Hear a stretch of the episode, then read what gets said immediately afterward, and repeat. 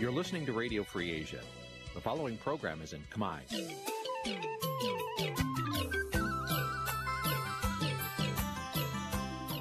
នេះជាកម្មវិធីផ្សាយវិទ្យុអាស៊ីសេរីនេះជាកម្មវិធីផ្សាយរបស់វិទ្យុអាស៊ីសេរីជាភាសាខ្មែរវិទ្យុអាស៊ីសេរីសូមស្វាគមន៍លោកអ្នកនាងទាំងអស់ពីរដ្ឋធានី Washington នៃសហរដ្ឋអាមេរិក។ ចាប់ផ្សាយផ្ទាល់ពីរដ្ឋធានី Washington នាងខ្ញុំខែសុណងសូមជម្រាបសួរលោកនាងកញ្ញាប្រិយមិត្តអ្នកស្ដាប់និងអ្នកទស្សនាការផ្សាយរបស់វិទ្យុអាស៊ីសេរីទាំងអស់ជាទីមេត្រីចា៎យើងខ្ញុំសូមជូនកម្មវិធីផ្សាយសម្រាប់យប់ថ្ងៃសុក្រ4រោចខែស្រាប់ឆ្នាំឆ្លូវត្រីស័កពុទ្ធសករាជ2565ដែលត្រូវនៅថ្ងៃទី27ខែសីហាគ្រិស្តសករាជ2021ចា៎ជាដំបូងនេះសូមអញ្ជើញលោកនាងស្ដាប់ព័ត៌មានប្រចាំថ្ងៃដែលមានមេតិការដូចតទៅ thank you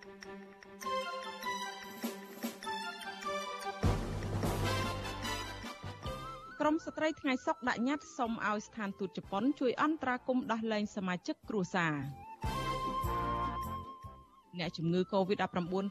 17អ្នកទៀតបានស្លាប់និងឆ្លងថ្មីជាង400នាក់ចាក្នុងនេតិវេទិកាអ្នកស្ដាប់វិទ្យុអាស៊ីសេរីនៅថ្ងៃនេះយើងនឹងជជែកអំពីភាពចម្រូងចម្រាសពីការរឹបអូសប្រេងដែលមិនទាន់ចម្រាញ់របស់កម្ពុជា រួមនឹងព័ត៌មានផ្សេងៗមួយចំនួនទៀត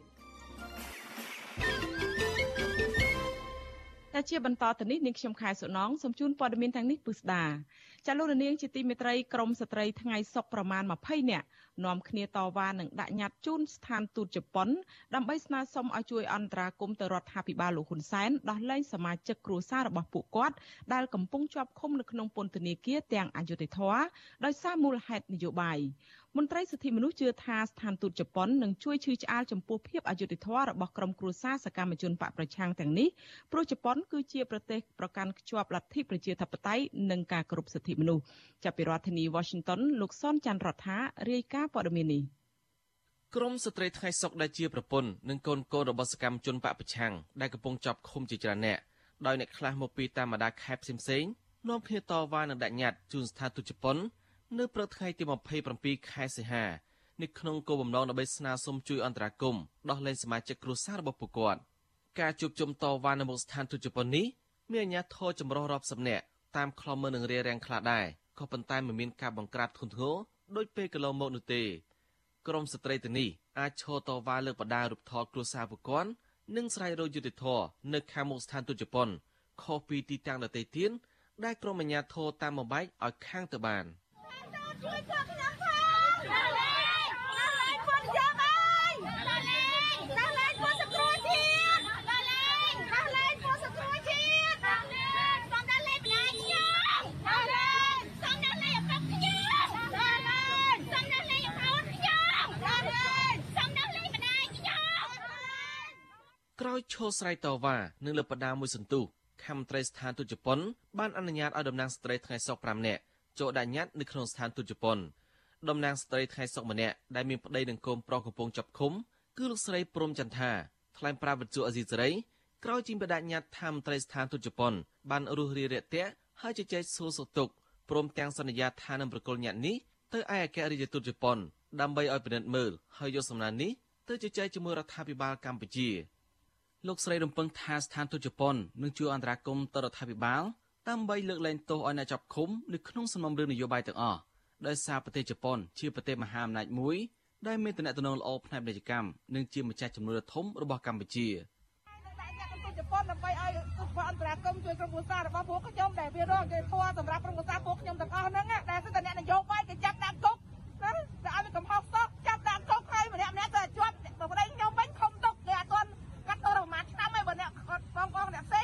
គេកាត់2ឆ្នាំជួ នណាទៅពន្លី2ឆ្នាំបណ្ណៃជាលុយទៀតហើយបងប្អូនប្រុសខ្ញុំទៅចាប់បានរយៈពេល2ខែប្រហែលថ្ងៃហើយព្រាមតន់ខ្ញុំអាយុខ្ញុំក៏ចាប់គ្នាទៅដែរខ្លឹមសារនិញ្ញាតដែលក្រមស្ត្រីថ្ងៃសុកបានដាក់ជូនស្ថានទូតជប៉ុននេះគឺពួកគាត់អំពាវនាវឲ្យឯករាជ្យទូតជប៉ុនលោកមីសាហេរ៉ូមីកាមីប្រើឥទ្ធិពលនៃតំណែងល្អជួយទាមទាររដ្ឋាភិបាលទុំដាក់រាល់បទចាប់ប្រកាន់ឲ្យដោះលែងប្តីប្រពន្ធឪពុកម្ដាយនិងសាច់ញាតិដែលកំពុងជាប់ឃុំក្នុងពន្ធនាគារដោយអយុត្តិធម៌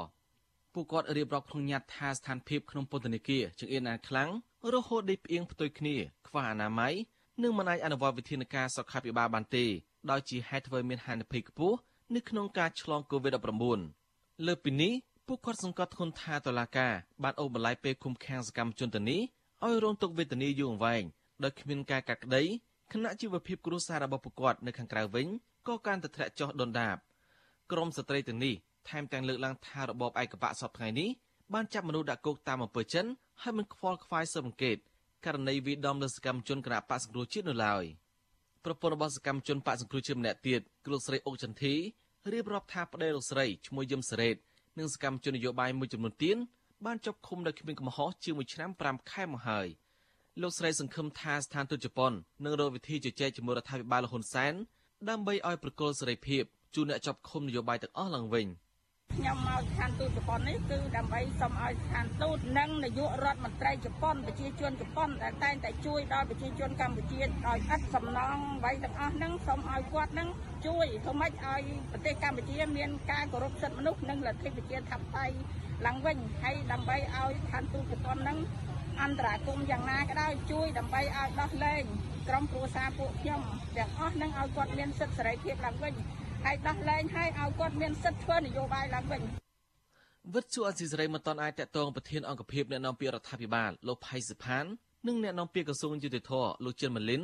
ដើម្បីសុំការឆ្លើយតបរឿងនេះបានទេនៅថ្ងៃទី27ខែសីហាកន្លងទៅក្រមស្ត្រីថ្ងៃសុកទៅនេះបានដាក់ញត្តិដែលមានខ្លឹមសារដូចគ្នា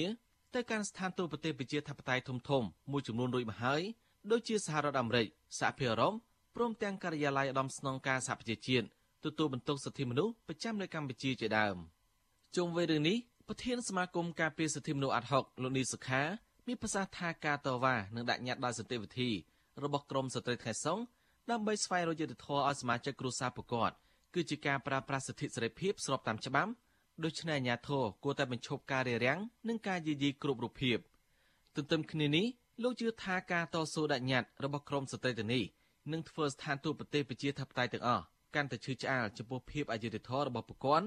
និងជួយអន្តរាគមន៍ទៅរដ្ឋាភិបាលបន្ថែមទៀត។ ខ្ញុំគិតថាទោះបីយ៉ាងណាក៏ខាងស្ថានទូតគេនឹងប្រើប្រាស់នៅមធ្យោបាយតំណែងតំណងការទូតដើម្បីធ្វើឲ្យរដ្ឋាភិបាលលោកពិចារណានៅក្នុងការដោះលែងកម្មជនទាំងអស់ហ្នឹងនៅមុនពេលរៀបចំការបោះឆ្នោតក្រមប្រសាឃុំសង្កាត់មកដល់បាទអញ្ចឹងខ្ញុំគិតថាជាទូទៅស្ថានទូតពិសេសគឺទូតសេរីគេចង់ឃើញប្រទេសកម្ពុជាយើងដើរទៅតាមកណ្ដងមួយគឺជាកណ្ដងប្រជាធិបតេយ្យនិងការគោរពសិទ្ធិមនុស្សដោយអ្វីដែលរដ្ឋាភិបាលយើងបានចុះហត្ថលេខីទៅលើឧបករណ៍សិទ្ធិមនុស្សមួយចំនួនក្រោយដាច់ញ៉ារួយដល់ក្រមស្ត្រីថ្ងៃសុកបានអង្គុយបរិភោគអាហារថ្ងៃត្រង់ជុំគ្នានៅតាមដងផ្លូវខាងមុខស្ថានទូតជប៉ុនមុនពេលដែលពួកគាត់បំបែកគ្នាទៅលំនៅឋានរៀងៗខ្លួនពួកគាត់បដិញ្ញាថានឹងបន្តតវ៉ានឹងដាក់ញត្តិជូនស្ថានទូតប្រទេសប្រជាធិបតេយ្យផ្សេងៗទៀតនៅរៀងរាល់ថ្ងៃសុក្ររហូតដល់មានការដោះលែងគ្រួសារពួកគាត់ខ្ញុំសនចាររថាវិទ្យុអេស៊ីសរ៉ៃរាយការណ៍ពីរដ្ឋធានីវ៉ាស៊ីនតោន ចាលោកនាងកញ្ញាជាទីមេត្រីតកតងទៅនឹងរឿងវិស័យព្រៃនៅកម្ពុជាឯនេះវិញមន្ត្រីសង្គមស៊ីវិលបន្ទោសថាករណីនាវាលួចដឹកប្រេងឆៅចេញពីដែនសមុទ្រកម្ពុជារហូតដល់ប្រទេសឥណ្ឌូនេស៊ីបណ្ដាលមកពីភាពខ្វះចន្លោះឬកំហុសឆ្គងរបស់មន្ត្រីកម្ពុជាអ្នកនាំពាក្យគណៈបកកណ្ដាលអំណាចទទួលស្គាល់ថាបញ្ហានេះអាចបណ្ដាលមកពីភាពខ្វះចន្លោះមែនប៉ុន្តែរដ្ឋាភិបាលនៅតែអាចទប់ស្កាត់បញ្ហានេះបានបើទោះបីជានាវាដឹកប្រេងបានចេញផុតពីទឹកដីកម្ពុជាហើយក្តីចាប់ពីរដ្ឋធានី Washington លោកលេងម៉ាលីរាយការណ៍ព័ត៌មាននេះក្រុមអ្នកឃ្លាំមើលលើកឡើងថាប្រេងឆៅជាទ្រព្យរួមរបស់កម្ពុជាដូច្នេះរដ្ឋាភិបាល គួរបញ្ជូនប្រេងនោះមកកម្ពុជាឲ្យបានឆាប់រហ័សពួកគេស្នើទៅរដ្ឋាភិបាលឲ្យពិនិត្យឡើងវិញពីសមត្ថភាពបំពេញការងាររបស់ឆ្មាំសមុទ្រកម្ពុជា ដែលបណ្តែតបណ្ដោយឲ្យមានការនាំប្រេងកម្ពុជាចេញដោយខុសច្បាប់ នាយកប្រតិបត្តិមជ្ឈមណ្ឌលប្រជាពលរដ្ឋដើម្បីការអភិវឌ្ឍនិងសន្តិភាពលោកយងកំឯងជំរុញទៅរដ្ឋាភិបាលឲ្យស៊ើបអង្កេតឲ្យបានពេញលេញនិងច្បាស់លាស់អំពីករណីលួចប្រេងចេញពីទឹកដីកម្ពុជា ដែលមានតម្លៃប្រមាណ20លានដុល្លារលោកលើកឡើងថាប្រេងយ៉ាងសន្ធឹកសន្ធាប់បែបនេះហេតុអ្វីបានដឹកចេញពីកម្ពុជាបានងាយស្រួលដូចនេះលោកសង្ស័យករណីនេះអាចមានជាប់ពាក់ព័ន្ធជាមួយអាជ្ញាធរមានសមត្ថកិច្ចជាច្រើនមិនមែនត្រឹមតែក្រុមហ៊ុនដឹកប្រេងនោះទេ ត្រូវតែគិតបាទត្រូវតែពិចារណាដែរថាតើយើង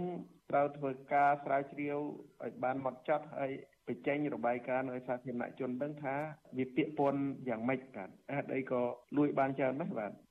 ស្រដៀងគ្នានេះដែរនាយកប្រតិបត្តិនៃអង្គការតម្លាភាពកម្ពុជា លោកពេជ្រពិសីយល់ថាកម្ពុជាគួរស្វែងរកដំណោះស្រាយជាមួយភាគីឥណ្ឌូនេស៊ីឲ្យបានលឿនដើម្បីឆាប់បាននាំប្រេងមកកម្ពុជាវិញ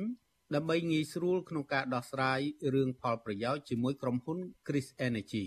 លោកថាក្រុមហ៊ុន Chris Energy មានបញ្ហាហិរញ្ញវត្ថុច្រើនដូច្នេះលោកថាបញ្ហាដែលកម្ពុជាជួបប្រទះពេលនេះជាមេរៀនថ្មីមួយទៀតដែលកម្ពុជាគួររៀនសូត្រមុននឹងចាប់ដៃវិនិយោគជាមួយក្រុមហ៊ុនណាមួយ។ប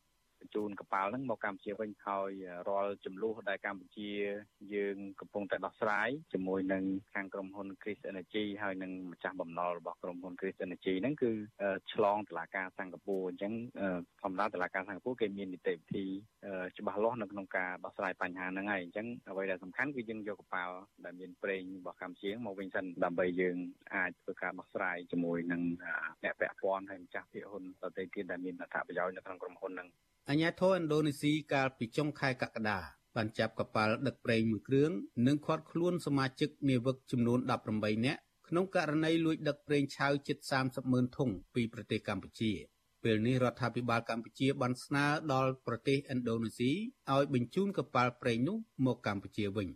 អ្នកនាំពាក្យរដ្ឋាភិបាលលោកផៃស៊ីផានឲ្យវិទ្យុអស៊ីសេរីដឹងកាលពីថ្ងៃទី26សីហាថា ស្ថានទូតខ្មែរប្រចាំប្រទេសឥណ្ឌូនេស៊ីបានផ្ញើលិខិតទាមទារដល់រដ្ឋាភិបាលនេះឲ្យបញ្ជូនប្រេងឆៅទាំងនោះមកកម្ពុជាវិញហើយប៉ុន្តែលោកបដិសេធមិនផ្ដល់ព័ត៌មានពីការស៊ើបអង្កេតករណីលួចយកប្រេងនេះទៅក្រៅប្រទេសទោះបីជាយ៉ាងណាក្តីអ្នកនាំពាក្យគណៈបកប្រជាជនកម្ពុជាលោកសុកអេសានទទួលស្គាល់ថាករណីលួចប្រេងចេញពីកម្ពុជាក៏អាចជាប់ពាក់ព័ន្ធនឹងភាពខ្វះចន្លោះរបស់សមត្ថកិច្ចកម្ពុជាប៉ុន្តែលោកថាអ្វីដែលសំខាន់នោះ គឺពេលនេះអាចចាប់អ្នកលួចប្រេងនោះបានវិញ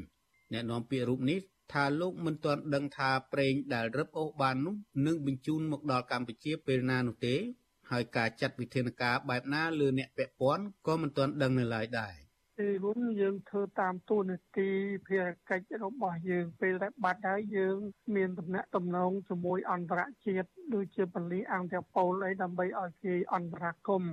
ទីភ្នាក់ងារសារព័ត៌មានបារាំង AFP រាយការណ៍ថាកប៉ាល់មួយគ្រឿងឈ្មោះ MT Strovolos ដែលកងទ័ពជើងទឹកឥណ្ឌូនេស៊ីឃាត់ចាប់គឺជាកប៉ាល់ដែលក្រុមហ៊ុន Chris Energy ជួលសម្រាប់ដឹកប្រេងឲ្យខ្លួនប៉ុន្តែដោយសារក្រុមហ៊ុន Chris Energy ខ្សែធន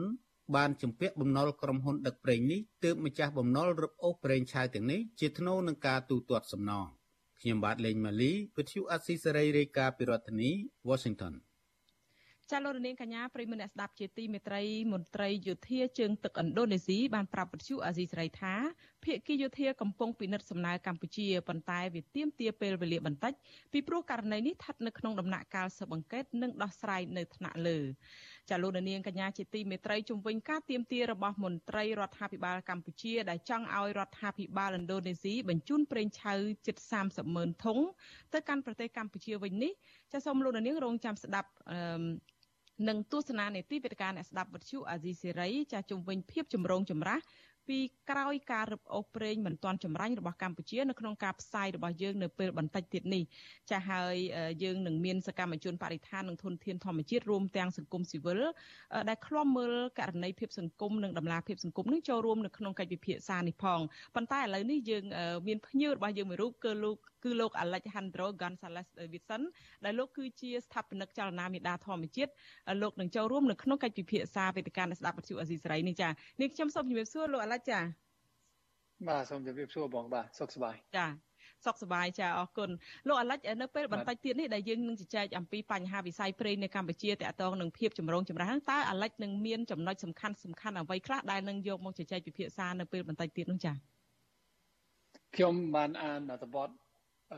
មួយចំនួនមិញហើយខ្ញុំឃើញថារឿងហ្នឹងចាប់ផ្ដើមខ្លាចទៅជារឿងធំដែលមានកសែត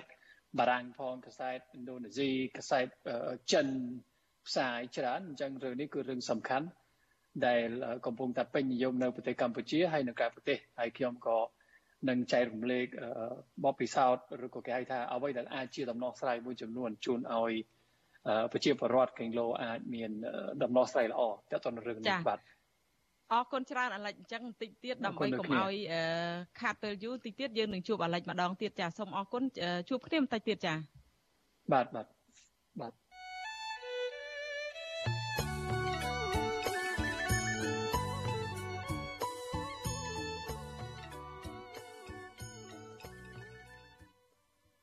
ចាលោកនាងកញ្ញាប្រិយមិត្តអ្នកស្ដាប់ជាទីមេត្រីចាលោកនាងអាចស្ដាប់ការផ្សាយផ្ទាល់របស់វិទ្យុអាស៊ីសេរីដំណើរគ្នាទៅនឹងការផ្សាយរបស់យើងលើបណ្ដាញសង្គម Facebook និង YouTube តាមរយៈរលក ធាតុអាកាសខ្លីឬ Shortwave តាមកម្រិតនិងកម្ពស់ដូចតទៅនេះចាប់ពេលព្រឹកចាប់ពីម៉ោង5កន្លះដល់ម៉ោង6កន្លះតាមរយៈរលកធាតុអាកាសខ្លី9940 kHz ស្មើនឹងកម្ពស់ 30m នៅពេលយប់ពីម៉ោង7កន្លះដល់ម៉ោង8កន្លះតាមរយៈរលកធាតុអាកាសខ្លី9960 kHz ស្មើនឹងកម្ពស់ 30m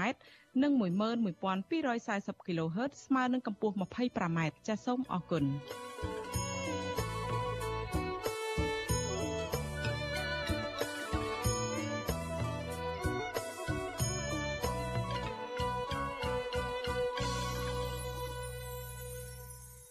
ចាលោកនាងកញ្ញាប្រិមនស្ដាប់ជាទីមេត្រីងាកមកសេចក្តីរាយការណ៍តាក់ទងទៅនឹងការរីករាលដាលនៃជំងឺ Covid-19 វិញម្ដង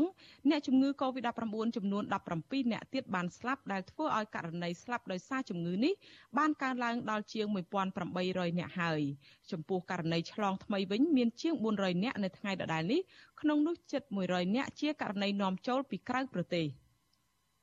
ក្រសួងសុខាភិបាលឲ្យដឹងថាចាប់តាំងពីបំណាច់ខែមីនារហូតដល់ថ្ងៃទី26ខែសីហាកម្ពុជារកឃើញករណីឆ្លងជំងឺ Covid-19 ប្រភេទ Delta ជាង1500នាក់ អ្នកកើតជំងឺ Covid-19 បំផ្លែងខ្លួនថ្មីនេះមានដូចជាពលករត្រឡប់មកពីប្រទេសថៃនិងវៀតណាមអ្នកដំណើរតាមយន្តហោះមន្ត្រីរាជការកងកម្លាំងប្រដាប់អាវុធនិងពលរដ្ឋនៅក្នុងសហគមន៍ជាដើមជំងឺ Covid-19 ប្រភេទ Delta នេះគឺបានឆ្លងដល់រាជធានីភ្នំពេញនិងខេត្តចំនួន23លើកលែងតែខេត្តកែបនិងខេត្តក្រចេះដែលនៅមិនទាន់រកឃើញនៅឡើយ គិតត្រឹមព្រឹកថ្ងៃទី27ខែសីហានេះកម្ពុជាមានអ្នកកើតជំងឺ Covid-19 ជាង90000នាក់ក្នុងនោះមានអ្នកជាសះស្បើយជាង87000នាក់ក្រសួងសុខាភិបាលប្រកាសថាគិតត្រឹមថ្ងៃទី26ខែសីហាម្សិលមិញរដ្ឋាភិបាលបានចាក់វ៉ាក់សាំងជូនពលរដ្ឋបានជិត9លាននាក់ហើយក្នុងចំណោមអ្នកដែលត្រូវចាក់សរុបចំនួន10លាននាក់ ចំណែកកុមារនិងយុវជនដែលមានអាយុចន្លោះពី12ឆ្នាំទៅ17ឆ្នាំវិញក្រសួងបញ្ជាក់ថាចាក់វ៉ាក់សាំងបានជាង1លាន3សែននាក់ក្នុងចំណោមអ្នកដែលត្រូវចាក់សរុបជិត2លាននាក់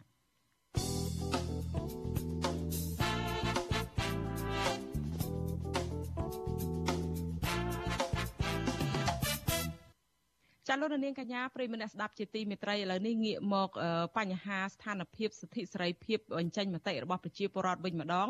មន្ត្រីសិទ្ធិមនុស្សនិងកសិករមើលឃើញថាលំហសេរីភាពនៃការបញ្ចេញមតិកាន់តែរួមតូចដោយសារតែមួយរយៈពេលចុងក្រោយនេះសូម្បីតែកសិកររៀបរាប់អំពីទុកលំបាករបស់ខ្លួននិងបង្ហាញពីភាពមិនប្រក្រតីនៅក្នុងការដោះស្រាយរកទីផ្សារលក់កសិផលក៏ត្រូវអាជ្ញាធរចោទប្រកាន់ចាប់ដាក់គុកដែរ។ ចានៅពេលបន្តិចទៀតនេះយើងនឹងមានសម្ភារផ្ទាល់មួយជាមួយមន្ត្រីផ្នែកសិទ្ធិមនុស្សហើយនឹងមន្ត្រីខាងសមាគមកសិករដែលនឹងចូលមកជជែកវែកញែកអំពីបញ្ហានេះហើយមានលោកសេចបណ្ឌិតជាអ្នកសម្របសម្រួលជំវិញរឿងនេះចាឥឡូវនេះយើងជួបជាមួយលោកសេចបណ្ឌិតបន្តិចសិនចាជំរាបសួរលោកសេចបណ្ឌិតចាបាទជំរាបសួរអ្នកស្រីខែសំណងនិងសូមជម្រាបសួរលោកដានាងដែលកំពុងតាមដានស្ដាប់ការផ្សាយរបស់វិទ្យុអេស៊ីសៃតអស់ជាទីមេត្រីបាទ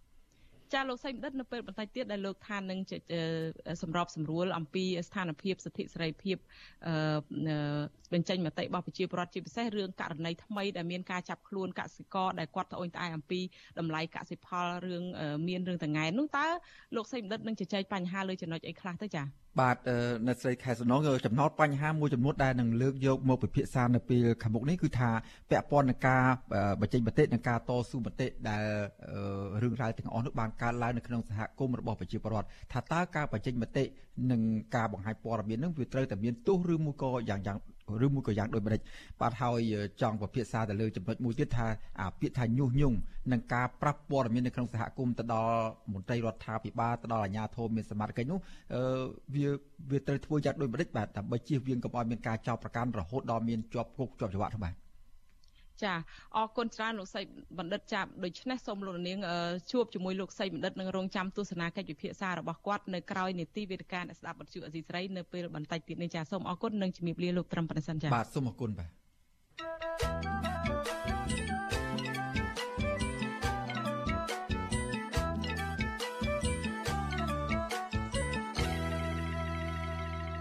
ចាលោកនាងកញ្ញាប្រិយមិត្តអ្នកស្ដាប់ជាទីមេត្រី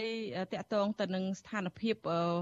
ជនជាដើមភាគតិចភ្នងនៅឯខេត្តមណ្ឌលគិរីឯនោះវិញពួកគាត់បាននាំគ្នាផ្តិតមេដៃ ប្តឹងឈ្មួញដីម្នាក់ដែលថាឈូសឆាយស្រូវនិងដំណាំចម្ការរបស់ពួកគាត់ដើម្បីរំលោភយកដីសមូហភាពជាង13ហិកតាមកកាន់កាប់ជាទ្រព្យសម្បត្តិរបស់ខ្លួនអ្នកភូមិចាត់ទុកទង្វើនេះថាកំពុងបំផ្លាញសេចក្តីសុខនិងជីវភាពរស់នៅរបស់ជនជាតិដើមភាគតិចទាំងស្រុងចាលោកនាងនឹងបានស្ដាប់សេចក្តីរាយការណ៍នេះពឹស្ដានៅព្រឹកស្អែក ចាលោកនាងកញ្ញាប្រិមមអ្នកស្ដាប់ជាទីមេត្រីចាលោកនាងទើបបានស្ដាប់ព័ត៌មានប្រចាំថ្ងៃដែលជម្រាបជូនដល់នាងខ្ញុំខែសុណងពីរដ្ឋធានី Washington ចាសូមលោកនាងរងចាំស្ដាប់នីតិវិទ្យាអ្នកស្ដាប់វិទ្យុអាស៊ីសេរីនៅពេលបន្តិចទៀតនេះ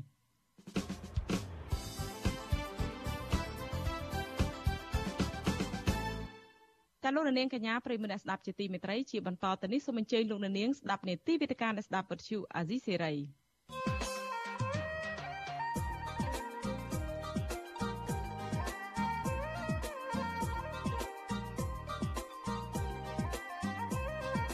វេទិកាអ្នកស្ដាប់វិទ្យុអាស៊ីសេរី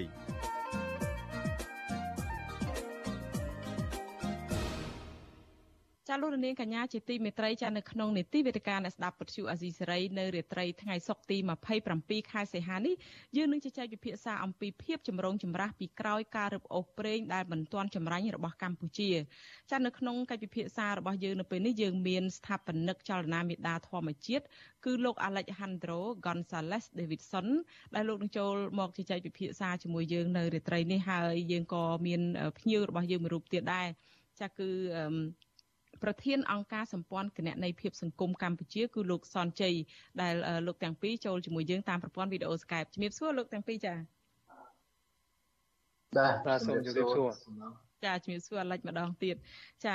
អរគុណច្រើនដែលលោកទាំងពីរបានចំណាយពេលចូលរួមនៅក្នុងកិច្ចពិភាក្សារបស់យើងដោយលោកនាងបានដឹងហើយអំពីបញ្ហាវិស័យប្រេងនៅកម្ពុជានេះគឺថាមានការមានភាពចម្រូងចម្រាស ចង់ដឹងថាតើមានភាពចម្រូងចម្រាសអ្វីខ្លះនៅក្នុងបញ្ហាការរឹបអូសប្រេងដែលមិនទាន់ចម្រាញ់ពីកម្ពុជានេះហើយ យើងនឹងឲ្យភ្ញៀវរបស់យើងទាំងពីរនាក់លោកនឹងមកជជែកពិភាក្សាអំពីភាពមន្ទិលឬក៏បញ្ហាដំណាភាពនៅក្នុងការវិនិយោគចាស់ហើយនៅក្នុងបញ្ហានេះយើងដឹងហើយថារឿងបញ្ហាមិនដឹងពីដំណាភាពនិងព័ត៌មានច្បាស់លាស់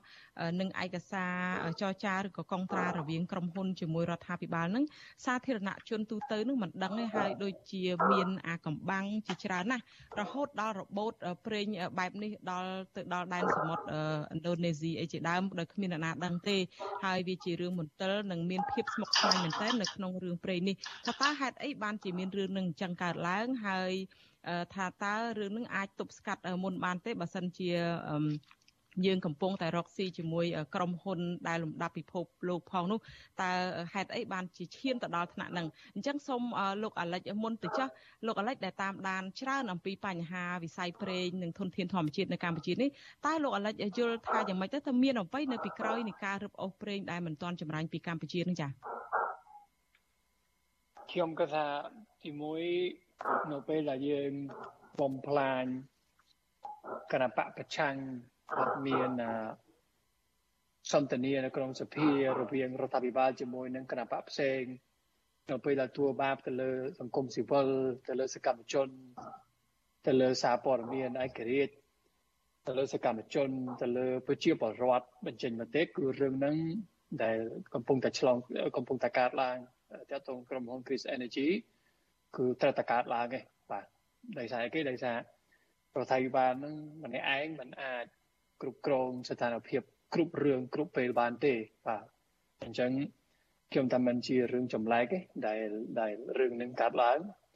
ហើយយើងឃើញថាឥឡូវកំពុងតែក្លាយទៅជារឿងអាម៉ាស់បំផុតកាន់តែខ្លាំងទៅខ្លាំងទៅហើយមានកសែតបរទេសមានមកពីបារាំងកសែត Reuters ដែលផ្សាយទូទាំងពិភពលោកផងកសែតនៅក្នុងតំបន់អាស៊ីអាគ្នេយ៍គឺបានផ្សាយពីរឿងនឹងច្រើនហើយខ្ញុំថាផ្សាយបែប មិនសូវល្អអានទេបើយើងអាននៅក្នុងនាមជាអ្នកស្រឡាញ់ជាតិឬក៏អ្នកនៅស្រឡាញ់ប្រទេសកម្ពុជាយើងឃើញថាជារឿងដែលប៉ះពាល់មកមាត់របស់ប្រទេសកម្ពុជាប៉ះពាល់មកមាត់របស់រដ្ឋាភិបាលលោកហ៊ុនសែនផងនិងប៉ះពាល់ទៅលើមកមាត់របស់ប្រទេសកម្ពុជាអញ្ចឹងខ្ញុំសោកស្ដាយពីរឿងហ្នឹងហ្នឹងទី1ទី2សួរថាមូលហេតុអីដូចបងមានប្រសាសន៍មិញហ្នឹងយើងពិបាកដឹងព្រោះអីគេលាក់ព័ត៌មានពីយើងទាំងអស់ក៏ប៉ុន្តែយើងដឹងថាប្រទេសកម្ពុជាជាប្រទេសមួយដែល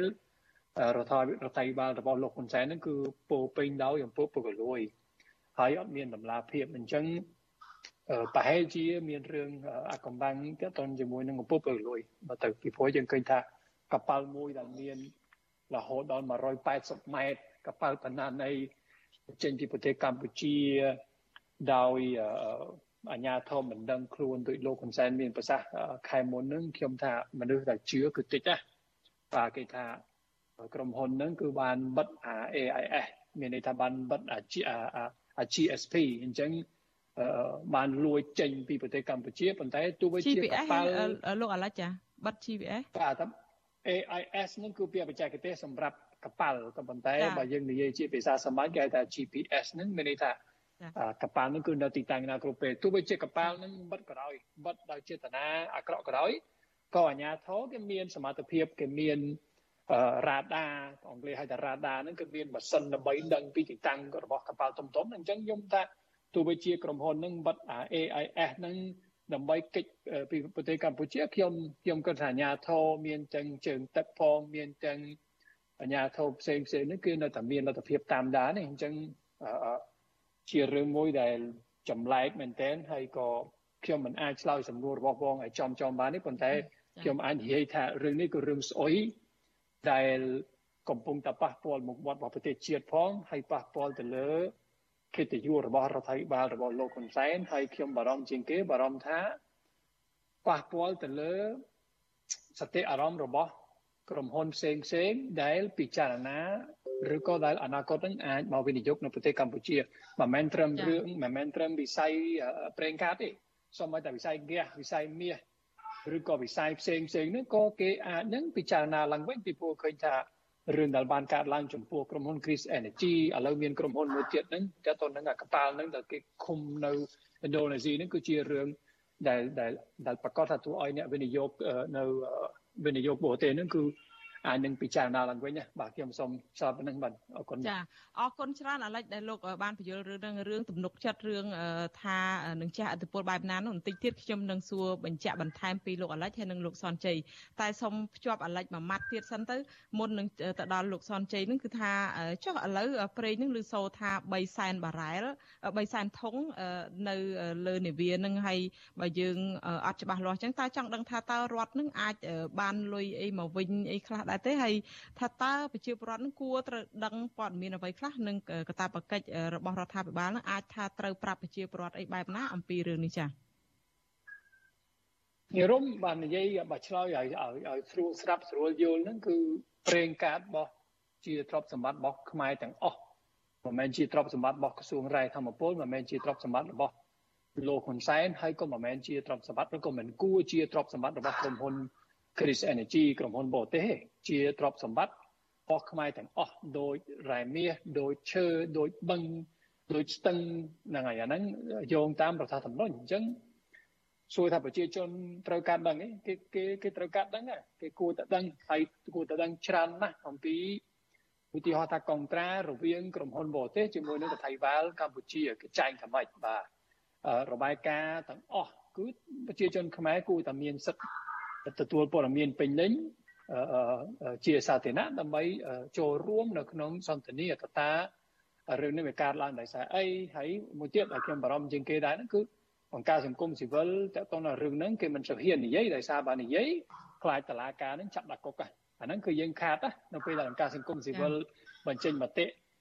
ហើយរដ្ឋាភិបាលនឹងឬក៏តឡាការនឹងគេចាប់គេឬក៏គម្រាមនឹងអានឹងជារឿងដែលប៉ះពាល់ទៅមុនណាហើយនៅក្នុងការសង្គមស៊ីវិលនៅខ្មែរនឹងអ្នកដែលចេះដឹង អ្នកដែលយល់អ្នកដែលអាចផ្ដល់ប្រឹក្សាយោបល់ដល់រដ្ឋាភិបាលច្រើនណាស់ប៉ុន្តែគេកំពុងតែខ្លាចបាទអានឹងខ្ញុំគិតថា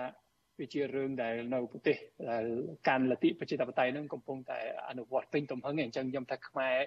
ល្មមនឹងអនុវត្តទេព្រោះនៅកម្ពុជាមានប្រជាធិបតេយ្យតាំងពីឆ្នាំ93ឥឡូវឡើង7 30ឆ្នាំទី1ទី2 ខ្ញុំបានអានអត្ថបទមិញហ្នឹងបើយើងមើលពីទស្សនវិជ្ជាច្បាប់អន្តរជាតិពីព្រោះរឿងនេះមិនមែនត្រឹមច្បាប់នៅប្រទេសកម្ពុជាទេអាហ្នឹងគឺឥឡូវកំពុងតែពាក់ព័ន្ធជាមួយច្បាប់ឥណ្ឌូនេស៊ីច្បាប់អាចនឹងអាចនឹងច្បាប់អន្តរជាតិខ្ញុំមិនសូវមានសង្ឃឹមទេដែលកប៉ាល់ដែលដឹកបារ៉ែលដែលមានតម្លៃ20លានដុល្លារប្រហែលប្រហែលនឹង30ម៉ឺនបារ៉ែលហ្នឹងខ្ញុំមិនសំមានសង្ឃឹមទេដែលប្រទេសកម្ពុជាអាចនឹងយកមកវិញបានឆាប់ឆាប់ទេអាចនឹងយូរឆ្នាំ ដោយសារអីដោយសាររឿងនេះវាជំរុំចម្រាស់មែនទែនបាទអញ្ចឹងគឺគុំមានសង្ឃឹមថាតើក្រោយមកដល់ហើយអបអសាទរទេអានឹងគឺអាចនឹងជារឿងដែលដែលអស់ពញាអស់ពេលវេលាយូរឆ្នាំហើយកាន់តែយូរ កាន់តែប៉ះពាល់ទៅលើអារម្មណ៍របស់អ្នកវិនិយោគមកពីការប្រទេសបាទខ្ញុំសូមឆ្លើយប៉ុណ្ណឹងអរគុណបងអរគុណច្រើនលោកអាឡិចចាអញ្ចឹងសូមងាកទៅលោកសនជ័យវិញម្ដងលោកសនជ័យចំជំនាញលោកតែម្ដងអំពីរឿងគណនេយ្យភាពសង្គមនិងដំណាភាពនេះលោកសនជ័យយល់យ៉ាងម៉េចដែរចំពោះរឿងការវិនិយោគវិស័យប្រេងនៅកម្ពុជានេះលោកឃើញហើយរឿងក្រុមហ៊ុន Chris Energy នេះគឺពលរដ្ឋនឹងមិនបានដឹងព័ត៌មានអីទេហើយចេះតែមានឮ ការអភិវឌ្ឍនឹងមានបញ្ហានេះបញ្ហានោះរហូតដល់ឈានដល់ចុងក្រោយនេះលេចឮថា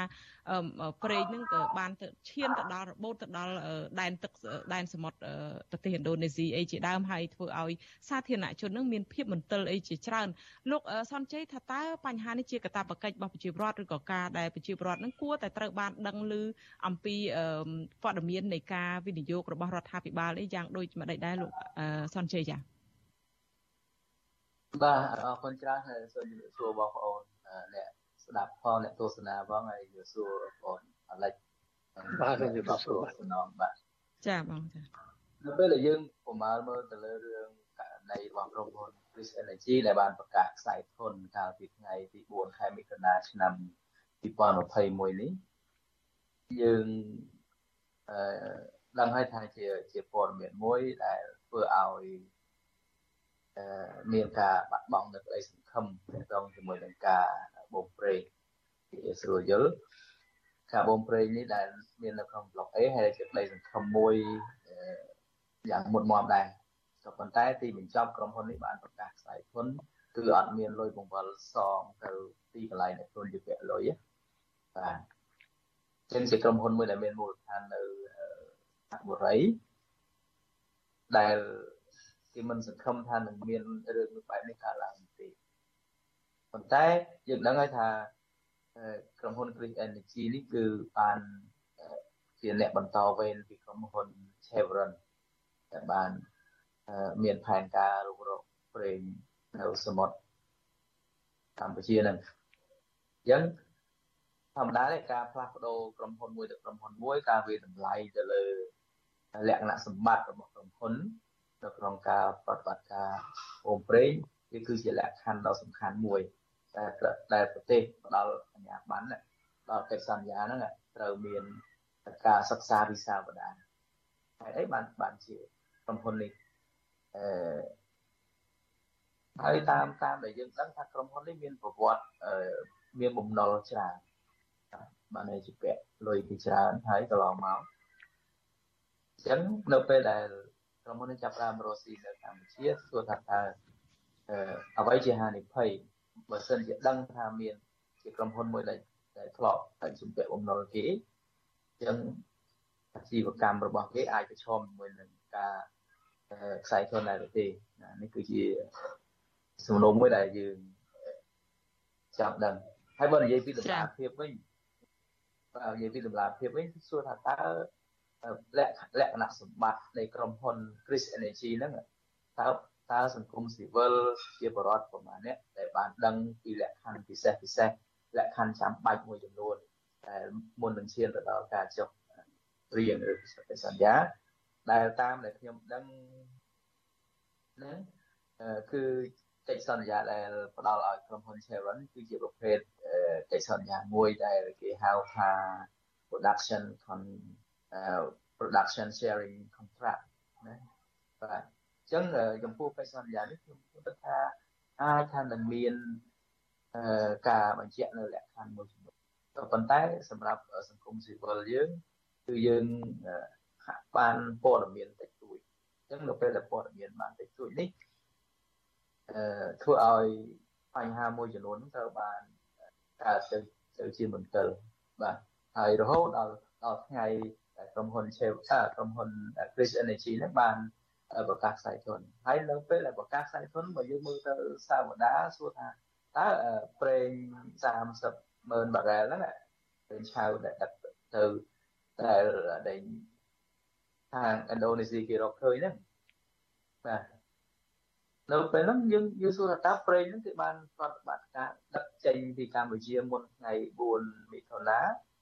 មុនពេលគេប្រកាសខ្សែធនឬមួយក៏ជាការដែលដឹកចេញក្រោយហ្នឹង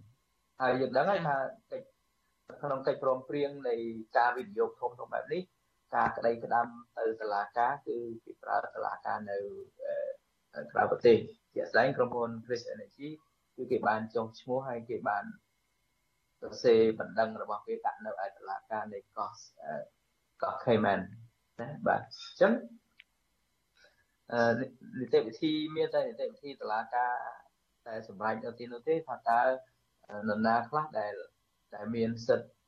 គ្រប់គ្រងកិច្ចការនេះបន្តហើយទ្រព្យសម្បត្តិរបស់ក្រុមហ៊ុន Chris Energy ត្រូវបានគ្រប់គ្រងរបៀបណាហើយនេះជាជាជាអ្វីដែលយើងរងចាំមើលក៏ប៉ុន្តែស្រាប់តែលេចចេញនៅការខាត់បាននាវាមួយដែលមានផ្ទុកប្រេងឆៅរហូតដល់ទៅអឺ 30ម៉ឺន30ម៉ឺនបារ៉ែលអញ្ចឹងរហូតដល់ពេលនេះតាមនីតិវិធីគឺជាពិសេសគឺការចោទសួរទៅថាតើនាវានេះបានចេញពីកម្ពុជាទៅដោយរបៀបណាហើយចាយើងយើងយើងដឹងហើយថារាល់ព័ត៌មានទាំងឡាយហ្នឹងគឺគឺការគ្រប់គ្រងការអនុញ្ញាតឲ្យនាវាចេញគឺសុទ្ធតែជាសមត្ថកិច្ចនៃប្រទេសនីមួយៗ ហើយឥឡូវនេះវាវាខ្លាយទៅជាប្រធានបទមួយនៃការដែលគេហៅថានាវានឹងឆ្លងទៅដល់សមុទ្រអន្តរជាតិអញ្ចឹងការឆ្លងដល់សមុទ្រអន្តរជាតិគឺចាំបាច់ត្រូវមានវិធានការអន្តរជាតិក្នុងការបង្វែរនាវានឹងមកវិញរបៀបណាណាចឹងវាវាវាឆ្លងកាត់អ្វីមួយដែលគេថាជាជានៃនិវេតក្រហមបាទជានីតិវិធីអន្តរជាតិនឹងបាទ ចាអូខេខ្ញុំខ្ញុំខ្ញុំចាប់អារម្មណ៍ពីសាវតានឹងបន្តិចសិនដើម្បីឲ្យបងប្អូនអ្នកស្ដាប់នឹងគាត់មានមូលដ្ឋាននៃការគិតហើយយើងពិនិត្យមើលទៅលើលក្ខខណ្ឌនៃតម្លាភាពមើលថាតើអឺផលប៉ះពាល់ឬក៏កង្វះតម្លាភាពវាមានផលប៉ះពាល់អ្វីខ្លះទៅដល់ប្រយោជន៍ជាតិទៅដល់ទឹកចិត្តម្ចាស់ប្រេងសូមម្ចាស់ប្រេងអ្នកណាទេបាទខ្ញុំជាជនជាតិខ្មែរម្នាក់ពលរដ្ឋអតីតទៀតគឺជាម្ចាស់នៃធនធានធម្មជាតិនេះបាទ បាទអរគុណ ចាអរគុណច្រើនលោកសនជ័យអញ្ចឹងសរុបមកគឺថាតកតងទៅនឹងដំណាភាពឬក៏គណនេយ្យភាពសង្គមនៅក្នុងការវិនិយោគនឹងរដ្ឋាភិបាលចាំបាច់គួរតែធ្វើការផ្ដល់ព័ត៌មានយ៉ាងទូលំទូលាយនិងបើកចំហព័ត៌មានដើម្បីឲ្យប្រជាពលរដ្ឋនឹងបានដឹងក្នុងនាមប្រជាពលរដ្ឋនឹងជាម្ចាស់ប្រទេសជាម្ចាស់ទ្រព្យធនធានធម្មជាតិដែលមិនមែនជារបស់រដ្ឋាភិបាលតែឯងទេប៉ុន្តែជារបស់ប្រជាពលរដ្ឋទាំងអស់ដែលគួរតែដឹងបានដឹងព័ត៌មានទាំងអស់នេះដែរចាសសូមអរគុណច្រើនលោកសនជ័យចា អឺលោកនាងជាទីមត្រីឥឡូវយើងកំពុងតែជជែកពិភាក្សាជុំវិញប្រធានបទអំពីភាពចម្រូងចម្រាសពីក្រោយការរឹបអូសប្រេងដែលមិនទាន់ចម្រាញ់របស់កម្ពុជាចាស់ឲ្យភ្ញៀវរបស់យើងនៅពេលនេះគឺយើងមានស្ថាបនិកចលនាមេដាធម្មជាតិលោក Alejandro Gonzalez Davidson ហើយនិងលោកសុនជ័យលោកជាប្រធានអង្គការសម្ព័ន្ធគណនេយ្យភាពសង្គមកម្ពុជានៅក្នុងកិច្ចពិភាក្សាយើងនេះចាស់ឲ្យប្រសិនជាលោកនាងមានជាសំណួរឬក៏មតិយោបល់ចាស់លោកនាងអាច ផ្ញើជាដាក់លេខទូរស័ព្ទរបស់លោកអ្នកឬក៏ឬក៏ដាក់ជាសំណួរមកកាន់វាគ្មិនរបស់យើងនឹងនៅក្នុងខ្ទង់ comment ឬក៏ប្រអប់សារ Messenger Facebook ឬក៏ YouTube អស៊ីសេរីដែលកំពុងផ្សាយផ្ទាល់នេះក្រុមការងាររបស់យើងនឹងហៅត្រឡប់ទៅលោកនាងវិញចាសសូមអរគុណចាតកតងនឹងអ្វីដែល ភ្ជាប់ជាមួយលោកសនជ័យបានលើកឡើងនេះមិញបន្តិចហ្នឹងខ្ញុំងាកទៅអាលិចវិញគឺចង់សួរដែរថារឿងតំណែងអំពីការប្តឹងផ្ដាល់នេះគឺថារដ្ឋាភិបាលនឹងកន្លងមកនឹងឮតែតំណែងថានឹងពិចារណាប្តឹងទៅក្រុមហ៊ុន Chris Energy នេះចាឲ្យមកដល់ពេលនេះដូចជាមិនទាន់មានឮតំណែងអីឬក៏ចេញជាផ្លែផ្កាអីនៅឡើយទេលោកអាលិចយល់យ៉ាងម៉េចដែររឿងបណ្ដឹងរឿងការប្តឹងផ្ដាល់ជាមួយក្រុមហ៊ុននឹងចា ដោយខ្ញុំបាននិយាយខាងដើមឯទី1ប៉ះពាល់ទៅលើសតិអារម្មណ៍របស់អ្នកវិនិយោគក្រុមហ៊ុនផ្សេងផ្សេងទៀតទាំងវិស័យប្រេងទាំងវិស័យរ៉ែមាសទាំងវិស័យផ្សេងផ្សេងអាហ្នឹងគឺខ្ញុំតែប៉ាត់ខ្ញុំមានអារម្មណ៍ថាបើសិនជាប្រទេសកម្ពុជាអាចនឹងយកប្រេងកាតមកវិញនឹងដែលមានតម្លៃរហូតដល់20លានដុល្លារខ្ញុំត្រឡប់ពីព្រោះលុយហ្នឹងគឺ20លានដុល្លារមិនលុយតិចទេណាហើយយើងអាចយកអាលុយហ្នឹងទៅទិញវ៉ាក់សាំង ជូនឲ្យប្រជាជនឬក៏ជួយដល់ប្រជាជនក្រីក្រក៏ប៉ុន្តែខ្ញុំបារម្ភថាអពលប៉ះពាល់ទៅលើកិត្តិយសកិត្តិនាមរបស់រដ្ឋាភិបាលទៅលើប្រទេសជាតិនឹងគឺមានតម្លៃលើសពី20លានដុល្លារទៅទៀតអាហ្នឹងចំណុចទី1ចំណុចទី2បើយើងនិយាយឲ្យចំទៅក្រុមហ៊ុនដែលកំពុងតែដាច់អឺប្រេងកាតហ្នឹងអឺកប៉ាល់ហ្នឹងឈ្មោះ Strovolos ហ្នឹងក្រុមហ៊ុនដែលជាម្ចាស់កប៉ាល់ហ្នឹងមិនមែនជាក្រុមហ៊ុន Chris Energy ទេអញ្ចឹងយើងអាចនិយាយថា ក្រុមហ៊ុនដែលជាម្ចាស់នៃនាវា Strovolos ហ្នឹងគាត់តែជាត្រីទូចទេបាទហើយឥឡូវយើងខ្ញុំអានអត្ថបទរបស់កសែតមិញហ្នឹងគេថាអ្នកនាំពាក្យរបស់ក្រសួងរាជធម្មពលហ្នឹងគេកំពុងតែស្នើសុំឲ្យអាជ្ញាធរឥណ្ឌូនេស៊ីហ្នឹងបញ្ជូនទាំងប្រេងទាំងកប៉ាល់ទាំងមនុស្សដែលធ្វើការនៅក្នុងកប៉ាល់ហ្នឹងបញ្ជូនមកប្រទេសកម្ពុជាដើម្បីពិចារណាដើម្បីតែតតាំងផ្លូវតឡាការហ្នឹងជារឿងធំណាអាហ្នឹងរឿងធំណាបើសិនជាយើងបញ្ជូន ឬក៏ស្នើសុំឲ្យមានជនជាតិឥណ្ឌាបង់ក្លាដេសជនជាតិមីយ៉ាន់ម៉ាហ្នឹងដែលគាត់តែជាពុកអ្នកធ្វើការនៅក្នុងកប៉ាល់ហ្នឹងដែលអាចថាអត់ដឹងអីទាំងអស់ហ្នឹងបញ្ជូនមកប្រទេសកម្ពុជាដើម្បីព្រមទាទោសក្នុងពេលដែលប្រទេសកម្ពុជាមានតឡាការមិនអាចក្រាចណាអាហ្នឹងរឿងធំណាអាចក៏ទៅជារឿងតទៅនឹងទូតធំណាអញ្ចឹងខ្ញុំថា សូមឲ្យរដ្ឋាភិបាលនឹងគឺពិចារណាមែនទែនហើយបើសិនជាត្រូវការមានយោបល់គឺគួរតែសួរយោបល់ពីអង្គការសង្គមស៊ីវិលជាតិអន្តរជាតិឬក៏គួរតែជួលអ្នកជំនាញណាមួយដើម្បីប្រោតប្រឹក្សាយោបល់ឯងកុំចេះតែជិះសេះលេងដៃម្នាក់ឯងអាហ្នឹងអាចគួរថ្នាក់បំផុតណាអាហ្នឹងចំណុចទី2ហើយខ្ញុំថាបើសិនជាលោកហ៊ុនសែនជាមួយគ្នាគាត់ពិតជាចង់មានអាគេហៅថាស្វែងរកយុទ្ធធម៌សម្រាប់ប្រទេសជាតិមែន បើសិនជារឿងនេះមិនមែនត្រឹមរឿងលខោនដើម្បីបង្វែរអារម្មណ៍របស់ប្រជាពលរដ្ឋគួរតែប្តឹងក្រុមហ៊ុន Kris Energy ដូចខ្ញុំបាននិយាយខែមុនហ្នឹងប្តឹងក្រុមហ៊ុន Kris Energy នៅប្រទេសសិង្ហបុរីទៅបាទប្តឹងក្រុមហ៊ុន Kris Energy នៅប្រទេសសិង្ហបុរីឬក៏ដោយបងសនជ័យមានភាសាហ្នឹងអាចប្តឹងទៅប្រទេសមួយទៀតណាប្រទេសកោះ Cayman Islands ដែលជាតាមកងត្រារវាងរដ្ឋាភិបាលជាមួយក្រុមហ៊ុន Kris Energy គឺអាចនឹងជាអាញាកដាលហើយបើសិនជាយើងមិនចង់ដល់ ផ្លូវតឡាការអន្តរជាតិនេះយើងអាចរកអាជ្ញាកណ្ដាលឧទាហរណ៍ខាងការសហប្រជាជាតិបាទអាចជាអាជ្ញាកណ្ដាលដើម្បីដោះស្រាយវិវាទពីព្រោះរឿងនេះគឺកើតជាវិវាទអន្តរជាតិទេរវាងក្រុមហ៊ុនបរទេសជាមួយនឹងរដ្ឋអំណាចអញ្ចឹងរឿងនេះបើសិនជាការសហប្រជាជាតិចូលអន្តរាគមហ្នឹងឬក៏អាញាតាទួជាអាញាកណ្ដាលហ្នឹងមួយយ៉ាងប៉ុន្តែខ្ញុំមិនសូវគិតថាខ្ញុំគិតថាបែរជា ក្រសួងរាយធម្មពលនឹងគេមិនសូវហ៊ានប្តឹងក្រុមហ៊ុន Kris Energy នៅប្រទេសសិង្ហបុរីពីព្រោះបើសិនជាប្តឹងដល់ប្រទេសសិង្ហបុរីនឹង Kris Energy នឹងគេអាចនឹងលាតត្រដាងអំពីរឿងរឿងពុករលួយដែលអាចនៅពីក្រោយដែរអញ្ចឹងគេបានគេស្ទះស្ទើឬក៏គេប្រហែលជាមិនហ៊ានប្តឹងទៅក្រុមក្រុមហ៊ុន Kris Energy គេប្តឹងតែក្រុមហ៊ុនអឺ Navy Strovolos នឹងដែលដែលគាត់តែជាត្រីទូចនឹងហើយខ្ញុំគិតថា អានេះក៏ទៅជាយុទ្ធសាស្ត្រឯព្រោះយើងឃើញថារយៈពេលប្រហែលខែកន្លងមកនឹងប្រជាជនខ្មែររិះគន់ទៅលើរដ្ឋាភិបាលរបស់លោកហ៊ុនសែនច្រើនណាស់បាទពីព្រោះយើងឮតវងថាប្រទេសកម្ពុជាមិនយូរទេគឺនឹងក្លាយទៅជាប្រទេសផលិតនិងនាំចេញប្រេងកាតទៅទីផ្សារអន្តរជាតិហើយគេថាត្រៀមនឹងចំណេញ500លានដុល្លារតាមរយៈពន្ធតាមរយៈសុយសាហ្នឹងគឺជាពាក្យសម្ដីរបស់គេរយៈពេលប្រហែលខែកន្លងមកប៉ុន្តែយើងឃើញទីបញ្ចប់ណា ខ្សែទុនក្រុមហ៊ុនឈប់វោមផងហើយអាប្រមាណបារាយដែលបានវោមហ្នឹងគឺគេថាចោលលួចទៅបាត់អាហ្នឹងគឺប្រជាជនខ្មែរគេបានរិះគន់សម្បាមគេបានរិះគន់ហើយប៉ះពាល់មុខមាត់របស់លោកហ៊ុនសែនអញ្ចឹងរឿងដែលគេកំពុងតែធ្វើហ្នឹងគាត់តែព្យាយាមចាប់ត្រីទូចដែលមិនសូវពាក់ព័ន្ធនឹងរឿងហ្នឹងគឺអាចនឹងជាវិធីសាស្ត្រមួយសម្រាប់កាត់បន្ថយការរិះគន់របស់ប្រជារបស់ប្រជារបស់ប្រជាជនខ្មែរទៅលើ ទៅលើរឿងនេះបាទខ្ញុំសូមឆ្លើយប៉ុណ្ណឹងអរគុណលោកលោកអាលិចបន្តមួយម៉ាត់ទៀតទៅតកតងនឹងរឿងថាប្តឹងឲ្យបើសិនជាមិនមិននឹងទៀមទាយកប្រេងឆៅត្រឡប់មកកម្ពុជាវិញនឹងតើអាចទៅរួចទេហើយបើការយកមកវិញនឹងវាអាចនឹងមានអីចំណេញអីយ៉ាងម៉េចទេចាលោកអាលិចយើងមានលទ្ធភាពទេនៅក្នុងការចម្រាញ់ប្រេងឆៅនឹងចាប្រទេសកម្ពុជាបើសិនជាខ្ញុំមិនច្រឡំមិនទាន់មានលទ្ធភាពចម្រាញ់ប្រេងឆៅទេគាត់តែមានគម្រោងមួយរបស់លោកទ្រីភិបនៅកម្ពុជា ក្បែរព្រំដែនរវាងខេត្តកំពតជាមួយខេត្តព្រះសីហនុអីប៉ុន្តែរហូតដល់ពេលនេះគឺមិនទាន់អាចចម្រាញ់ប្រេងឆៅមានន័យថាយកប្រេងឆៅពីក្រៅប្រទេសចម្រាញ់ជាម៉ាស៊ុតចម្រាញ់ជាសាំងដើម្បីប្រើប្រាស់ខ្លួនឯងអត់តមានលទ្ធភាពទេអញ្ចឹងខ្ញុំក៏ឆ្ងល់ដែរបើសិនជាឧទាហរណ៍អឺអាចនឹងបញ្ជូន30ម៉ឺនម៉ឺនម៉ឺនបារ៉ែលយកមកប្រទេសកម្ពុជាវិញសួរថាប្រទេសកម្ពុជាហ្នឹងអាចចម្រាញ់អាប្រេងកាតហ្នឹងអឺ ដើម្បីប្រើប្រាស់ខ្លួនឯងបានទេទៅជាអត់មានអត់មានកវ៉ាល់អត់មានកតុយទេបាទអាហ្នឹងខ្ញុំគិតថារឿងនេះបងសួរថាអាចមានចំណេញទេខ្ញុំថាសម្រាប់លោកហ៊ុនសែនជាមួយគ្នាគាត់ក្នុងកៅភ្នែករបស់គេគេថាអាចនឹងចំណេញរឿងនយោបាយក៏ប៉ុន្តែបើថារឿងនយោបាយសម្រាប់បកកណ្ដាលអំណាចទេណាប៉ុន្តែបើថាចំណេញដល់ប្រទេសជាតិមិនឃើញកន្លែងណាមួយចំណេញទេមិនមិនឃើញអីសោះវាផ្ទុយទៅវិញខ្ញុំឃើញថាប៉ះពាល់ធ្ងន់ជាងអាតម្លៃ20លានដុល្លារនៃ និងប្រេងកាតដែលដែលដែលបាត់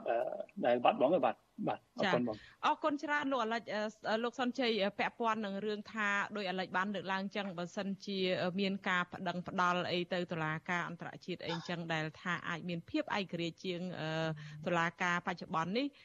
អាចស្អំបេះដូងដល់ប្រជាពលរដ្ឋទេនៅក្នុងការដែលពួកគាត់មើលឃើញអំពីភាពចម្រូងចម្រាសនៅក្នុងការអភិវឌ្ឍវិស័យប្រេងនេះចាហើយ ថាតើអាចសមហេតុសមផលទេបើសិនជាអញ្ចឹងមែនហើយ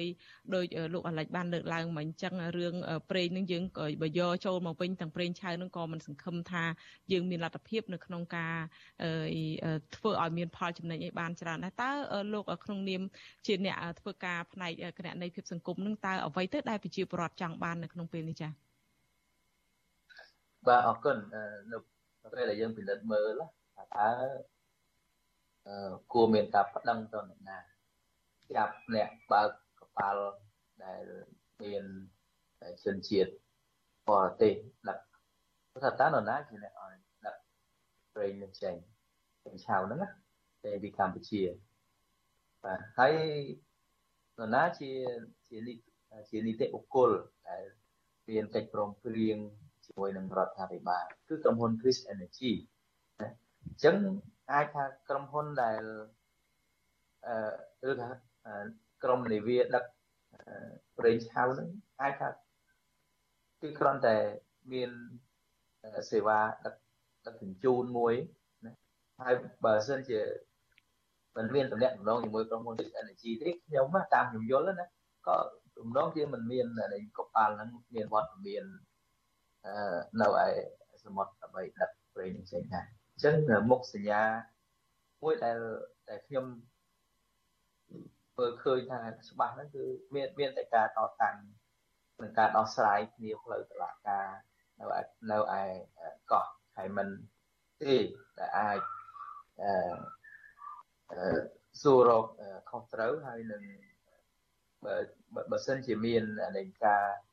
ខូចខាតឬមួយក៏ការចង់បានទៅ លទ្ធភាពនៃដំណោះស្រាយចា៎នៃដំណោះស្រាយហ្នឹងគឺមានមានតែច្រកហ្នឹងទេប៉ុន្តែបើសិនជាបើសិនជាចាប់កប៉ាល់ហ្នឹងមកហើយយកយកអ្នកបើកប៉ាល់ហ្នឹងយកដល់ទៀតទោសខ្ញុំគិតថានេះគ្រាន់តែជាផ្នែកមួយហើយវាក៏ដូចជាមិនមិនតាន់គ្រប់ជ្រុងជ្រោយដែរជាពិសេសសម្រាប់ការយល់របស់ខ្ញុំតាមការយល់របស់ខ្ញុំ តតែមានការបើកដៃពី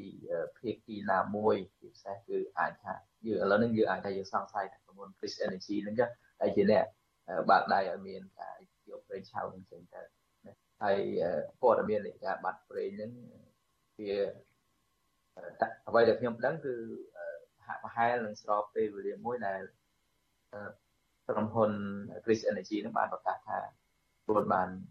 ខ្សែធនបាទនេះគឺគឺគឺជាទស្សនវិជ្ជាមួយហើយ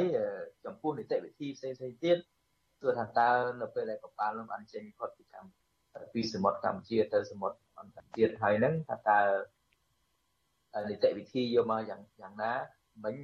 អាលិចបានលើកឡើងហើយថាកម្ពុជាមិនមិនតមានលទ្ធភាពនៅក្នុងការសម្លាញ់ប្រេងទេអញ្ចឹងបើសិនជាបានមកតើប្រេងបានយកមកយកមកលក់ ទៅវិញតាមនីតិវិធីឬមួយក៏យកយកមកហើយហើយនឹងមានភាគីទី3ណាមួយដែលអាចអនុវត្តការចម្រាញ់ប្រេងនឹងបាននេះគឺនេះគឺគឺជាទស្សនវិជ្ជាមួយដែលយើងមើលទៅលើនៃគេហៅថានីតិវិធីនៅនៅក្នុងនៃការដោះស្រាយបញ្ហារឿងកប៉ាល់ដឹកប្រេងនេះចេញទឹកប្រេងឆៅនេះចេញពីកម្ពុជា ចាលោកសនជ័យបើសិនជាដំណើរការនេះនៅមិនទាន់អាចទៅរួចនឹងតើអាចស្អំបេះដូងប្រជាពលរដ្ឋយ៉ាងម៉េចទៅដោយសំណួរខ្ញុំពីខាងដើមឲ្យប្រជាពលរដ្ឋអស់ចិត្តលើរឿងការវិនិយោគវិស័យប្រេងនេះចា៎សំខាន់គឺទី1ការខិតខំប្រឹងប្រែងរបស់ភាគីកម្ពុជានៅក្នុងការដោះស្រាយបញ្ហានេះសហការជាមួយនឹងប្រទេសឥណ្ឌូនេស៊ីហើយសួរថាតើលទ្ធផលយ៉ាងណានោះ ការផ្ដល់នៅព័ត៌មានលាយឲ្យដល់ប្រជាពលរដ្ឋទៅដល់ជនជាពិសេសខាងសង្គមស៊ីវិលដើម្បីឲ្យយើងបានដឹងថាតើរបៀបនេះដំណោះស្រាយបែបនេះគឺសមហេតុសមផលដែរទេហើយវាស្របទៅតាមច្បាប់ក្នុងកម្រិតដែរនឹងទី1ពីយកបញ្ហានេះមួយ គឺជាមេរៀនប៉ុន្តែយើងគិតថាមេរៀនដែលយើងរៀនបានច្រើនហើយហើយជាករណីដំបូងជាពិសេសនៅក្នុងចំណោមសង្គមស៊ីវិលក្តីក្នុងចំណោមមហាជនក្តីគឺយើងបារម្ភអំពីការខូចខាតនៃផលប្រយោជន៍ដោយសារតែខ្វះតម្លាភាពណាអញ្ចឹងការខ្វះតម្លាភាពដែលដែលកន្លងមកនេះជាពិសេសការទទួលបានព័ត៌មានស៊ីជម្រៅហ្នឹងគឺយើងយើងទទួលស្គាល់ថាមិនដឹងថាអ្នកផ្សេងយ៉ាងម៉េចទេក៏ប៉ុន្តែខាង អង្គការសង្គមស៊ីវិលភាគច្រើនដែលធ្វើការផ្នែកអឺធនធានធម្មជាតិហ្នឹងយើងហាក់បីដូចជាបានព័ត៌មានតិចអញ្ចឹងនៅពេលដែលបានព័ត៌មានតិចហើយឥឡូវហ្នឹងគឺកើតរឿងនេះទៀតអញ្ចឹងទៅរឿងរឿងដែលត្រូវដោះស្រាយហ្នឹងខ្ញុំគិតថាមិនមែនមិនមែនជាការឆ្លើយតបម្ដងពីរដងហ្នឹងតែអត់សពគ្រប់ទេគឺគឺត្រូវពីព្រោះវាវាវាពាក់ព័ន្ធជាមួយនឹងអភិបាលកិច្ចនៃការគ្រប់គ្រងធនធានរ៉ែ នៅកម្ពុជាអញ្ចឹងការឆ្លោតការឆ្លើយតបការបញ្ជាបញ្ជ្រាបព័ត៌មានការប្រាប់ទៅមហាជនទោះតែមានតាមជំហានជំហានណាតាមជំហានជំហានជាពិសេសគេហៅថាជានីតិវិធីនៅក្នុងការអភិបាលកិច្ចចា៎មួយដែលដែលថាការចាប់ផ្ដើមនេះវាមានបញ្ហាហើយយើងឲ្យមេរៀននេះវាខ្លាយទៅជាការរៀបចំនីតិវិធីសម្រាប់បង្ការបញ្ហាបែបនេះ កើតឡើងនៅពេលក្រោយវាមិនមែនតែរឿងប៉ុណ្ណឹងទេវាអាចក្រោយយើងបារម្ភរឿងការខ្សែធនវាអាចកើតឡើងសម្រាប់អាជីវកម្មរ៉ែអេផ្សេងទៀតដែរសិតតែជាចំណុចមួយដែលយើងប្រមាលមើលថាត្រូវតែមានការកែលម្អបាទចា៎ប៉ុន្តែមុនមុនមកដល់ការកែលម្អបញ្ហាបន្តទៀតហ្នឹងរឿងដោះស្រាយគេហៅថាការបាត់ប្រេងឬមួយក៏ការលួចយកប្រេងចេញ តែនៅក្នុងហេតុផលពាក់ព័ន្ធជាមួយនឹងការខ្សែធនរបស់ក្រុមហ៊ុន Green Energy គឺគឺគឺជារឿងចាំបាច់បំផុតចាអរគុណច្រើនលោកសនជ័យចាសូមងាកទៅអាលិចវិញចាអាលិចចាប់អារម្មណ៍យ៉ាងម៉េចដែរលើចំណុចនេះចាបើសិនជាអាលិចជាប្រជាពលរដ្ឋចង់បានយ៉ាងម៉េចចាខ្ញុំគិតថាមានប្រទេសមួយចំនួនដែលរដ្ឋាភិបាលពុករលួយរដ្ឋាភិបាលប្រាជ្ញាដែលបាន គេហៅថាសំណាង ដែលមានលទ្ធភាពបូមប្រេងច្រើនខ្ញុំដាក់ឧទាហរណ៍ចាស់ស្ដែង2ទៅ3ប្រទេសក៏បាននេះអ៊ីរ៉ាក់នៅក្រោមលោកសាដាមហ៊ូសេននិងប្រទេសលីប៊ីនៅក្រោមអឺ Gaddafi ហើយនៅមានប្រទេសផ្សេងទៀតនៅអាហ្វ្រិកក៏មានប្រទេសមួយទូចឈ្មោះ Equatorial Guinea ហ្នឹងគេសម្បូរប្រេងកាតអញ្ចឹងនៅពេលដែលប្រទេសណាមួយមានរបបផ្ដាច់ការ មិនគោរពសិទ្ធិមនុស្សពុករលួយហើយសម្បូរប្រេងកាតហ្នឹងជាជាជាទូទៅនឹងពាក្យច្រើនមិនល្អសម្រាប់ប្រជាជនទេមិនល្អសម្រាប់លើកស្ទួយប្រជាពលរដ្ឋឬក៏គោរពសិទ្ធិមនុស្សគឺផ្ទុយទៅវិញនឹងទួឲ្យរបបមួយនេះគឺកាន់តែផ្ដាច់ការកាន់តែមិនរំលោភសិទ្ធិកាន់តែមិនគោរពសិទ្ធិមនុស្សហើយប្រជាជនក្រគឺនៅតែក្រឯងគាត់តែអ្នកដែលមានអំណាចនេះគឺមានលុយច្រើនណាស់ដោយសារ ប្រពន្ធអំពើពុករលួយជាប្រព័ន្ធពីប្រេងកាតអញ្ចឹងមានន័យថាម៉េចមានន័យថាខ្ញុំមើលពីជ្រុង2ជ្រុងទី1សោកស្ដាយដែលប្រទេសកម្ពុជាមិនមិនអាចជោគជ័យមិនបានជោគជ័យនៅក្នុងរឿងបូមប្រេងកាតដោយយើងបានស្មានណាក៏ប៉ុន្តែមើលពីជ្រុងមួយទៀតខ្ញុំថាប្រទេសកម្ពុជាមិនអាចបូមប្រេងកាតបាននៅក្នុងពេលនេះខ្ញុំតែមួយយ៉ាងណាពីព្រោះខ្ញុំនិយាយឲ្យចំទៅបើសិនជារបបលោកហ៊ុនសែនបូមប្រេងកាតបានមែនដែលមានចំណេញរាប់រយលានដុល្លារហ្នឹង គូសិទ្ធិមនុស្សនៅប្រទេសកម្ពុជាកាន់តែដុនដាបអំពើពុករលួយរបស់អ្នកកាន់អំណាចកាន់តែខ្លាំងហើយប្រជាជនក្រគឺកាន់តែក្រអញ្ចឹងខ្ញុំថាពេលពេលនេះប្រទេសកម្ពុជាបានបរាជ័យដូចជាមិនជាអីប៉ះពាល់ទេអាចជាចំណេញវិញចាំពេលអនាគតពេលប្រទេសកម្ពុជាមាននីតិរដ្ឋពិតប្រាកដមានប្រជាធិបតេយ្យពិតប្រាកដគោរពសិទ្ធិមនុស្សគោរពបរិស្ថានគោរពប្រជាពលរដ្ឋគោរពសង្គមស៊ីវិលទើបយើងអាចនឹងគេថាសហការជាមួយនឹងក្រុមហ៊ុនត្រឹមត្រូវ ដើម្បីសាក់លបងបូមប្រេងឡើងវិញពីព្រោះអីកុំភ្លេចថាក្នុងពេលនេះតម្លៃនៃប្រេងកាតក៏ទាបមែនតើអញ្ចឹងកុំមានសង្ឃឹមថាមួយឆ្នាំពីរឆ្នាំទៀតនឹងអាចចាក់លបងបានទេតាមខ្ញុំគិតណាវាតទៅចាំយូរឆ្នាំតិចទើបអាចនឹងសហការទើបនឹងអាចនឹងសាក់លបងភាសាទៀតបានបាទ បងខ្ញុំមានមតិយោបល់ទៅប៉ុណ្ណឹងច្រើនអាលិចដោយសារយើងចិត្តអស់ពេលទៅហើយមានពេលម្នាក់2នាទីលោកសនជ័យនិងលោកអាលិចឲ្យចង់បានជាមតិយោបល់ថាតើគួរមានអនុសាសន៍បែបណាទៅចំពោះថារឿងវិស័យប្រេងដែលកំពុងស្ថិតនៅក្នុងភាពមន្ទិលនិងមានភាពចម្រូងចម្រាសច្រើននេះតើក្នុងនាមជា មន្ត្រីខាងឃ្លាំមើលបញ្ហាបរិស្ថាននិងធនធានធម្មជាតិនឹងលោកអាលិចមានជាយោបល់អីបែបណាដើម្បីឲ្យរឿងការវិនិយោគប្រេងជាពិសេសរឿងដែលកំពុងតែមានបញ្ហាវិវាទជាមួយក្រុមហ៊ុន Chris Energy ហើយនិងរដ្ឋាភិបាលនឹងគួរតែមានដំណោះស្រាយបែបណាទៅក្នុងរឿងនេះចា៎ជាដំណោះស្រាយល្អបំផុតគឺលោកហ៊ុនសែនគួរតែសំទោសជាសាធារណៈចំពោះប្រជាពលរដ្ឋខ្មែរដែលជាម្ចាស់ ប្រេងកាតអាហ្នឹងរឿងដាច់ដាច់ខាតត្រូវតែធ្វើគាត់ធ្វើឬមិនធ្វើអាហ្នឹងខ្ញុំមិនដឹងទេប៉ុន្តែបើសិនជាគាត់ជាអ្នកនយោបាយត្រឹមត្រូវប្រជាធិបតេយ្យគាត់សំទោសទទួលស្គាល់កំហុសខ្លួនឯងនិងប្រជាជនខ្មែរអីមកវិញអាឡិចចាខ្ញុំថាបើសិនជាគាត់សំទោសប្រជាជនខ្មែរគេអាចនឹងយកគំរូតាមគាត់ហើយគាត់អាចនឹងចាប់ផ្ដើមផ្លាស់ប្ដូរសង្គមខ្មែរបានបន្តិចម្ដងបន្តិចម្ដងហើយអ្នកនាំពាក្យរបស់ក្រសួងហ្នឹងគឺអាចនឹងចាប់ផ្ដើមរៀនសូត្រពីគាត់ដែរអញ្ចឹងគឺស្ដារមុខមាត់បានខ្លះខ្លះបាទពាក្យសំទោសគឺពាក្យខ្លីខ្លឹមស្រួលនិយាយអត់មានប្រមាថអីអាហ្នឹង ជាដំណោះស្រាយឬក៏ជាអនុសាសន៍ទី1ហើយទី2តកតងជាមួយនឹងរឿងបដិងទៅលើក្រុមហ៊ុនដល់តឡាការនៅឥណ្ឌូនេស៊ីមានអ៊ីនតឺប៉ុលពាក់ព័ន្ធផងស្អីផងនឹងខ្ញុំថារឿងគួរថាអារឿងហ្នឹងខ្ញុំថាសូមឲ្យរដ្ឋាភិបាលហ្នឹងគឺពិចារណាស៊ីជម្រៅមែនទែនហើយសូមពឹងពាក់មេធាវីអន្តរជាតិដែលមានជំនាញដើម្បីពិចារណាតតាគួរតែបន្តដើរផ្លូវហ្នឹងដើម្បីកែងលោប្រហែលឆ្នាំទៅមុខទៀតបានអាកប៉ាស់នឹងមកវិញជាមួយប្រេងកាតឬក៏គួរតែ គួរតែចប់រឿងនេះប៉ុណ្្នឹងសិនខ្លាចវាប៉ះពាល់ធ្ងន់ធ្ងរកើតប៉ះពាល់ជ្រុលហើយចំណុចដែលខ្ញុំចង់និយាយចុងក្រោយខ្ញុំគួរឲ្យរឿងដែលគួរឲ្យអស់សំណើចដែរបើសិនជាស្រាប់របបលោកហ៊ុនសែនប្រហែលខែមុនគេថាទីទៀតគេមានចំណេញ500លានដុល្លារគេមានប្រហែល10000បារ៉ែលក្នុងមួយខែប្រហែល40បារ៉ែលក្នុងមួយឆ្នាំប៉ុន្តែទីបញ្ចប់ឃើញថាសល់តែមួយដំណក់ហ្នឹងប្រទេសកម្ពុជាសល់តែមួយដំណក់ប្រេងទេដែលទុកនៅក្នុងវិមានឈ្នះឈ្នះអានឹងជារឿងមួយដែល